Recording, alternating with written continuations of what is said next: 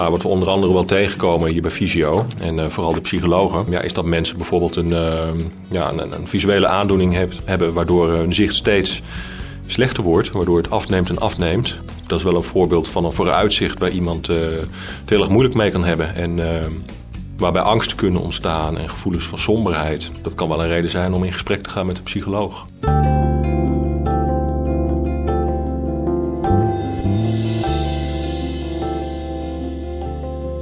Dat was de stem van Jaap Wanningen. Hij is GZ-psycholoog bij Koninklijke Visio. In deze nieuwe een en al oog podcast van de Oogvereniging, waarin we het hebben over psychische klachten die met een oogaandoening te maken hebben, reageert hij op ervaringen die anoniem zijn ingestuurd na een oproep via de website van de Oogvereniging en die in deze podcast worden voorgelezen.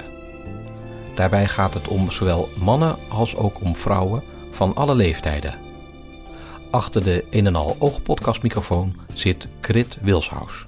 Iedere keer als ik voor controle naar de oogarts ga, bijvoorbeeld voor mijn glaucoom, en eigenlijk ook heel vaak bij het druppelen of anderszins, denk ik dat ik minder ben gaan zien. Bij het gezichtsveldonderzoek blijkt echter steeds dat dit nog wel meevalt. Dat ik dit zo vaak denk, is vermoedelijk een teken van angst. Na een reeks andere lichamelijke klachten kreeg ik uveitis. Dat was de druppel die de emmer deed overlopen en het begin van een lange lijdensweg. Omdat ik mijn werk niet meer naar behoren kon doen, het was vooral beeldschermwerk, raakte ik uitgeput en werd ik angstig omdat de klachten alleen maar toenamen. Mijn werk was alles voor mij. Ik was daar al bijna 40 jaar. Angst voor het vallen. 3D is weg, waardoor ik objecten foutief interpreteer. Ondanks bijna van een roltrap gekieperd, omdat ik helemaal verkeerd opstapte. In een trein stappen is een enge bezigheid, want soms is er een grotere ruimte tussen perron en trein dan ik denk, en dan gaat het maar net goed. Zeker wanneer er niemand in de buurt is. Constant dacht ik aan de woorden die de arts had verteld. Het leek of het lichtknopje elk moment kon uitgaan. Dat beangstigde mij enorm. Ik ben angstig geworden nadat ik door beeldvertekeningen niet meer van mijn zicht op aan kon. En ik buiten gewoon geen vertrouwen meer in mijzelf en mijn omgeving had. Ik voelde me verdrietig en down en depressief. Het ging vooral om, om de onmacht, omdat ik niet wist hoe ik ermee om moest gaan. Na mijn tweede netvliesloslating barstte ik na de operatie in tranen uit, van pure paniek en wanhoop. De chirurg had merkbaar moeite om mijn netvlies weer netjes op zijn plek te krijgen. En het werd me allemaal even te veel. Ik dacht dat het echt nooit meer goed zou komen. Ik raak in paniek met mist en in grote mensenmassa's. Ik ben bang dat ik iemand die bij mij is kwijtraak in een drukke winkel. Als mensen visueel beperkt worden, dan kan het een grote impact hebben op mensen. Nou, wat we onder andere wel tegenkomen hier bij Visio en uh, vooral de psychologen, ja, is dat mensen bijvoorbeeld een, uh, ja, een, een, visuele aandoening heb, hebben waardoor hun zicht steeds slechter wordt, waardoor het afneemt en afneemt. Psycholoog bij Visio Jaap Wanningen. Dat is wel een voorbeeld van een vooruitzicht waar iemand uh, het heel erg moeilijk mee kan hebben en waarbij angsten kunnen ontstaan en gevoelens van somberheid. Dat kan wel een reden zijn om in gesprek te gaan met een psycholoog. Ja, die mensen vertellen er ook over in deze podcast. Dat is voor jou als psycholoog uh, heel erg herkenbaar. Ja, de voorbeelden dat zijn stuk voor stuk dingen die, ja, die uit onze praktijk komen. Ook voor de behandelende psychologen. Eén en al oog. Toen ik een jaar of negen was, besefte ik pas echt dat ik visueel beperkt was. Ik had toen vaak last van verdriet en boosheid. Rond mijn puberteit kreeg ik ook last van angsten. Later werd de depressie erger en begon ik me steeds onzekerder te voelen. Sindsdien slik ik medicijnen. Het is soms nog steeds moeilijk. Ik kan soms erg gefrustreerd of gedeprimeerd raken. Is het goed als mensen uiting geven aan hun gevoelens? Opnieuw Jaap Wanningen. Ik denk dat dat in veel gevallen wel, uh, wel goed is. Kijk of we dat in de therapie doen of niet. Het hangt helemaal van af van, uh, van wie de persoon is. En met welke gevoelens uh, deze persoon zit of kampt. Dus dat, dat hangt er maar net van af eigenlijk wat je zegt, het is eigenlijk iedere keer weer heel persoonlijk. Hè? Er zit wel een grote variëteit uh, tussen. Er komen eigenlijk alle gevoelens komen wel, uh, komen wel aan bod in gesprekstherapie. En ook wel binnen, binnen visio. Het kan gaan over, uh, over boosheid, opgekropte woede, frustraties waar iemand mee zit.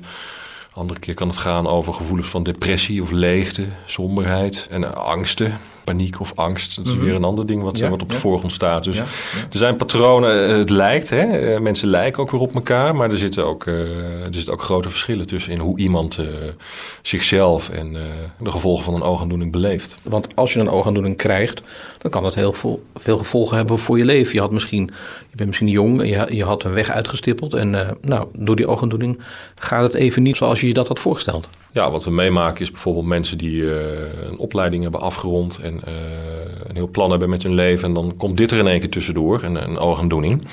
Of een grote afname in het zicht. En dan, ja, dan moet er een streep door het plan gezet worden. Of het is twijfelen van kan ik hier nog mee verder of niet. Dat kan ook heel lastig zijn. Dat Ja. je nog net even een jaartje het probeert. En misschien nog een jaartje. Dat mensen enorm op hun tenen gaan lopen. En een burn-out krijgen. Of eh, te vermoeid raken. Dat bijvoorbeeld ook. Ja, of dat de visuele handicap alles gaat bepalen. Ja, dat kan ook gebeuren. Hè? Ook als iemand van de een op de andere dag het zicht verliest, dan is dat voornamelijk, hè, dat, dat komt het eerste bij me op. Maar het is ook wel eh, bij een, eh, een aandoening waarbij het zicht langzaam afneemt, dat op een gegeven moment steeds meer eh, het visusverlies, het verlies van zicht, een stempel drukt op iemands leven. Sociaal, op werkgebied, als iemand nog aan het werk is op zo'n moment, op relationeel gebied. Alles, sporten wordt moeilijker of niet meer mogelijk. Ja, waar, waarom moet mij dit overkomen? Ja. Er is niet duidelijk iemand aan te wijzen die het eh, veroorzaakt heeft. Mhm. Maar het kan wel eh, ook boosheid opleveren. Ja, en en die boosheid, daar moet je iets mee. Ja, ja dat is eh, iets wat, er- wat eruit komt. En dat is denk ik goed. Maar als mensen met spullen gaan gooien... nou, dat is misschien nog een keer tot daar aan toe. Maar het kan ook tot huiselijk geweld leiden... of tot Ja. boosheid waar eh, de kinderen bij zijn als je die Mhm. hebt. En dat je denkt van, Ja. nou, ik wil dit eigenlijk niet op deze manier. Ik wil het wel op andere manieren uit, die boosheid. Ja. Maar ik wil de goede banen leiden. Zoiets.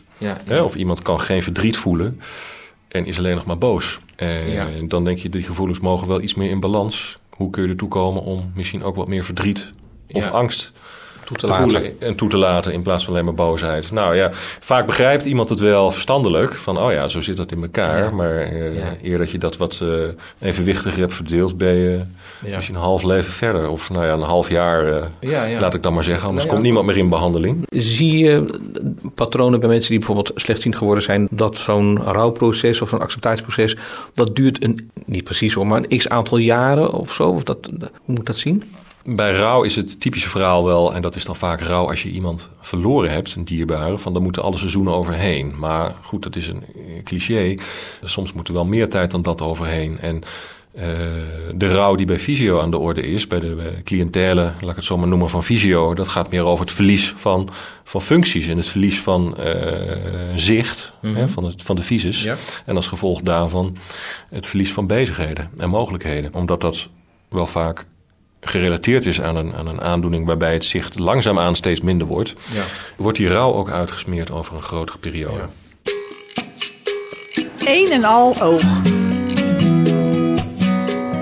En wat bijvoorbeeld ook wel voorkomt is als je gewoon in je leven altijd al gewend bent om, om heel veel dingen eh, zelf te doen.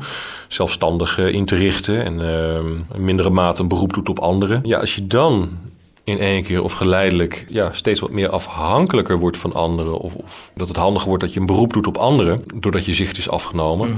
Dat kan ook uitermate lastig zijn. Ja. Dat je dan ineens eh, vaardigheden eigenlijk aan moet leren. En je hele sociaal-emotionele manier van doen wat, wat moet aanpassen. Om Ja. eh, wat vaker eh, hulp te vragen. Of je wat kwetsbaarder op te stellen. Dingen samen te doen die je voorheen altijd eh, zonder over na te denken alleen doet. Dat zijn ook niet vaak dingen waar iemand zelf mee komt. Van, goh, nou constateer ik dat dit aan de hand is. Dat is misschien iets- vaker iets wat, wat gaandeweg blijkt. Kan het ten koste gaan van een relatie? Ja, tuurlijk. Maar dat geldt ook voor heel veel dingen. Maar als we het, hè, dat is misschien flauw dat ik dat zeg, maar eh, bij een oogaandoening, als we specifiek daarop inzoomen, ja, dat, eh, dat hangt er denk ik vanaf hoe lang je elkaar kent. Wat er op voorhand bekend is over de oogaandoening. Ik denk als je samen bent en je weet van iemand heeft een aandoening waarbij het zicht langzaam afneemt. Je weet een beetje waar je aan begint, maar je weet het ook niet helemaal. Hè? Ook niet hoe de, jij als partner daarop gaat reageren als dat, eh, het zicht minder en minder wordt. En je weet het ook niet van je, van je man of vrouw Nee, die ermee ja, kampt. ja. Wij eh, nodigen ook wel partners uit. Zeker, als ze willen. Of als wij denken van dit is hard nodig, dan, eh, dan stellen we dat voor. Van goh, misschien moeten we ze daar samen over hebben. Soms vraag ik er ook een collega bij. Omdat je dan met z'n tweeën Mhm. tegenover twee anderen... Hè, dan zit je met z'n tweeën tegenover een echtpaar, dat, dat Ja. praat soms net wat, eh, wat makkelijker. Dus ja, de- de- zulke gesprekken hebben we ook. Je luistert naar een nieuwe Een en Al Oog podcast. En deze keer gaat het over psychische klachten die voortkomen uit een visuele beperking. Er zijn mensen die hebben een oogaandoening en dan kun je het niet aan de ogen zien dat ze die oogaandoening hebben. Daar reageert de omgeving vaak ook niet altijd helemaal eh, begripvol op. Hè? Of helemaal niet begripvol. Oh, oh, ja, ja, ja. kan ook. Nee, het kan allebei. Dat is misschien wel een onderschat probleem. Maar daar horen we wel veel mensen over. Dat hè, eh, iemand doet zijn best om zich aan te passen. Ja. Daardoor komt het eh, in gedrag soms helemaal niet goed over. Dat iemand moeite heeft om dingen te zien. Nou, aan de ene kant denk je, god, dat is fijn. Iemand kan nog meedraaien. Maar iemand heeft wel op zijn tenen moeten lopen. En eh, is toch sneller moe dan iemand Ja. verwacht. Ja. voor de buitenwereld die die persoon helemaal niet kent. En eigenlijk aan, eh, van buitenaf het niet aan degene kan zien dat er iets met het zicht is. Ja, dat kan ook wel tot, eh, tot grote problemen leiden. Van miskend worden, je niet begrepen voelen. Anderen vinden me een aansteller. Dat zeer lastig probleem kan dat zijn. Jaap Wanningen. Ja, als iemand daar behoefte aan heeft om daar eens met iemand over te praten, dan, dan moet iemand dat, dat absoluut doen. Ja, maar het is niet zo dat het altijd moet. Nee, zou het niet iemand verplichten of zeggen Nee, van nou, goh, heeft u er niet zo'n behoefte aan, doet u het dan toch, want dat is goed.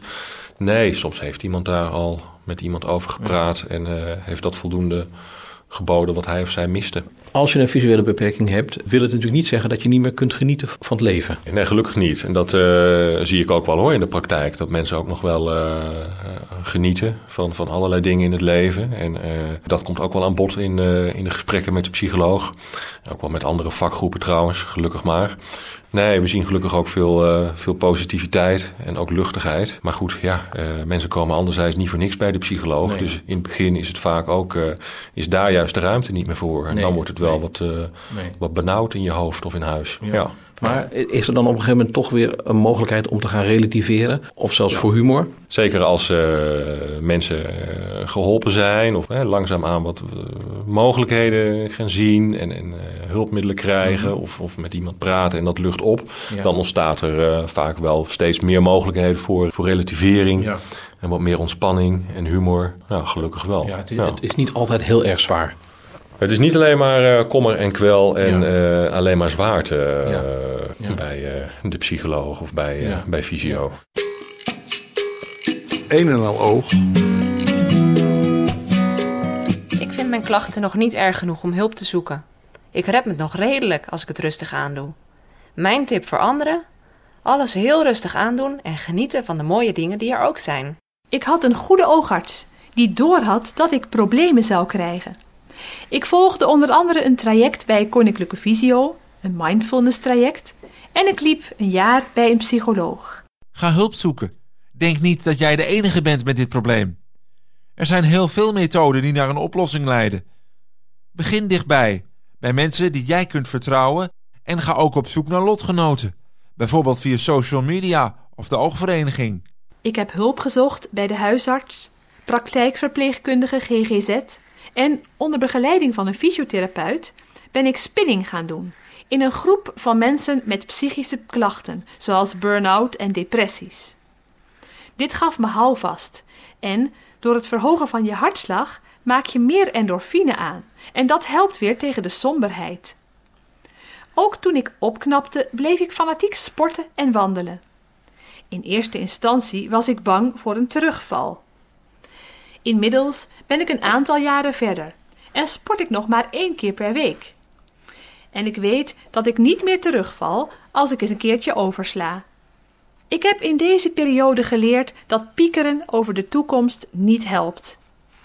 Ik heb nu gelukkig geen depressie meer, alleen soms een moment. Maar dit kan ik nu weer vrij snel naast me neerleggen. Ik ben langzaamaan steeds minder gaan zien. Toen ik uiteindelijk helemaal blind werd, had ik regelmatig last van paniek, angst en slaapproblemen. Ik ben naar de huisarts gegaan en ik heb tegelijkertijd contact gezocht met fysio. Van de huisarts kreeg ik melatonine om mijn dag-nachtritme weer op de rit te krijgen. Bij fysio voerde ik een paar gesprekken met een maatschappelijk werker en ik leerde vaste routes te lopen met de taststok. Wat mij heeft geholpen is dit tweesporenbeleid van huisarts en fysio. Het gaat nu veel beter. Je moet er maar het beste van maken. Ook al is de wereld niet gemaakt voor mensen met een beperking. Toch zal het wel ergens goed voor zijn. Ik denk dat er voor iedereen een reden is waarom hij of zij op deze wereld is. Iedereen draagt soms iets goeds bij aan de wereld, ook al heb je een beperking. Probeer het niet te zwaar voor jezelf te maken en soms rust te nemen. Wat mij helpt is kijken naar wat ik wel kan en naar wat ik doe en naar wat ik heb. Soms heb ik hier hulp bij nodig, maar soms lukt het ook zelf. Hulp zoeken is helemaal niet erg. Ik heb de hulp van een maatschappelijk werker ingeschakeld, omdat ik heel erg de behoefte had om aan iemand mijn verhaal te vertellen. Maar ook omdat diegene mij wellicht verder kan helpen. Verder vind ik veel troost in het maken, creëren en luisteren naar veel soorten muziek. Sinds kort ben ik ook bezig met het opschrijven van mijn ervaringen zoals ik ze heb meegemaakt. Het teruglezen van die verhalen is wel erg confronterend, maar met het feit dat ik het van me afschrijf, valt er wel een enorme last van mijn schouders. Wees alsjeblieft mild voor jezelf en doe je niet stoerder voor dan je bent. Als je slechter gaat zien, als je last hebt van een oogziekte, is het normaal dat je dingen moet opgeven die je eerder graag deed en dat dit verdriet oproept, boosheid, verzet, etc. Praat daarover met mensen.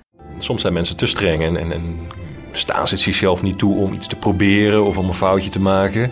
Ja, als je zo uh, op je tenen loopt, en, en, en, dan kun je zo zenuwachtig op een gegeven moment worden dat je niks meer gaat durven of niks meer Ja, probeert. Dat, dat kan is- verlammend werken. Ik van net zeggen, dat is natuurlijk ook niet goed. Nee, dat is voor niemand goed, denk ik. En ja, het zijn misschien wel mensen die eerder om een of andere reden op die manier psychisch wat, wat, wat verlamd zijn en angstig zijn, die, eh, die eerder bij de psycholoog terechtkomen. En dat is eh, ja, misschien ook een deel van ons bestaan, bestaansrecht weer om, eh, Ja. Om, om die mensen te ondersteunen. Eh, Zelfvertrouwen, kun je dat leren?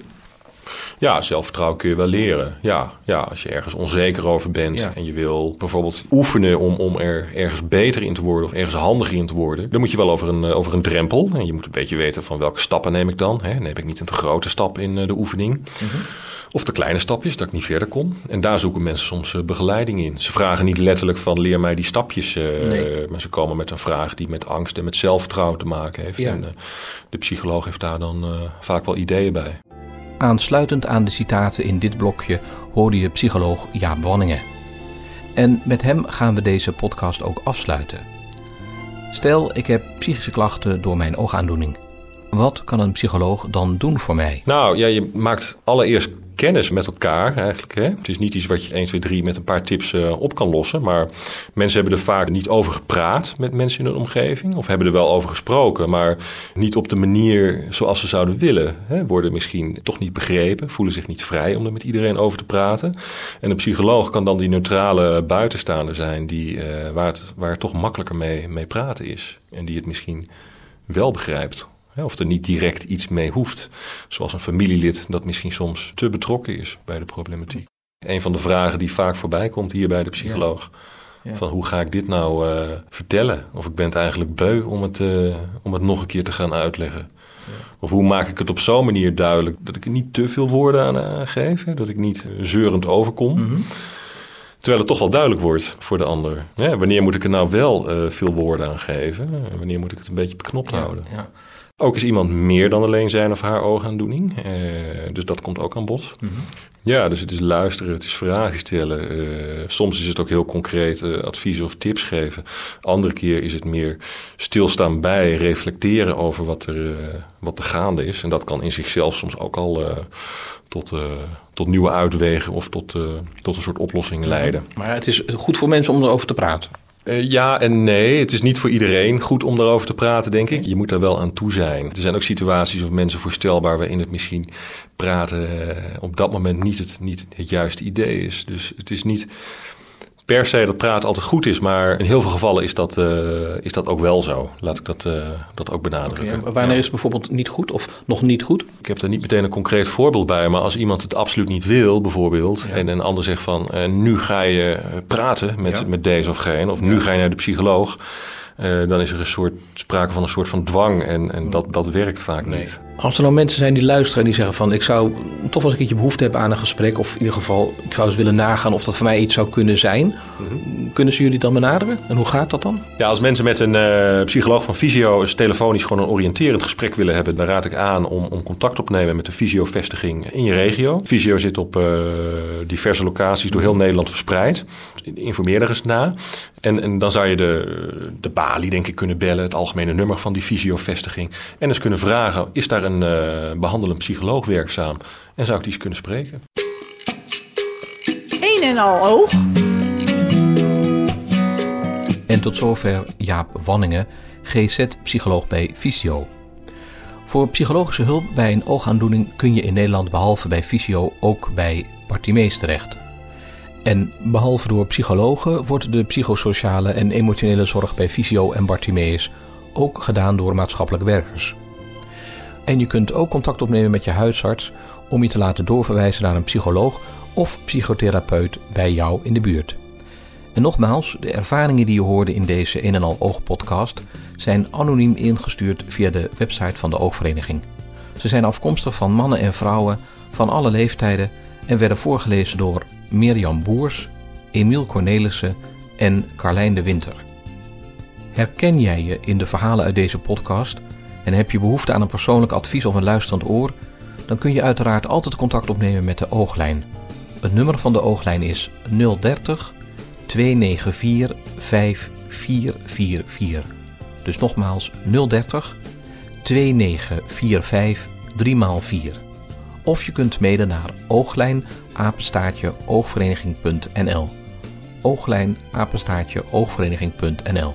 We helpen je graag verder.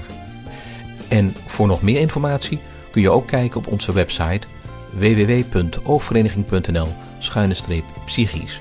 Dus oogvereniging.nl schuine streep psychisch. En daarmee zijn we gekomen aan het einde van deze Een en al oog. podcast. Redactie Oogvereniging Rut Dongoor, Ines Dupuy, Martijn Vet en Carlijn de Winter. Samenstelling, interviews en montage, Krit Wilshuis, tekst in zicht audio. Graag tot een volgende Een en al oog.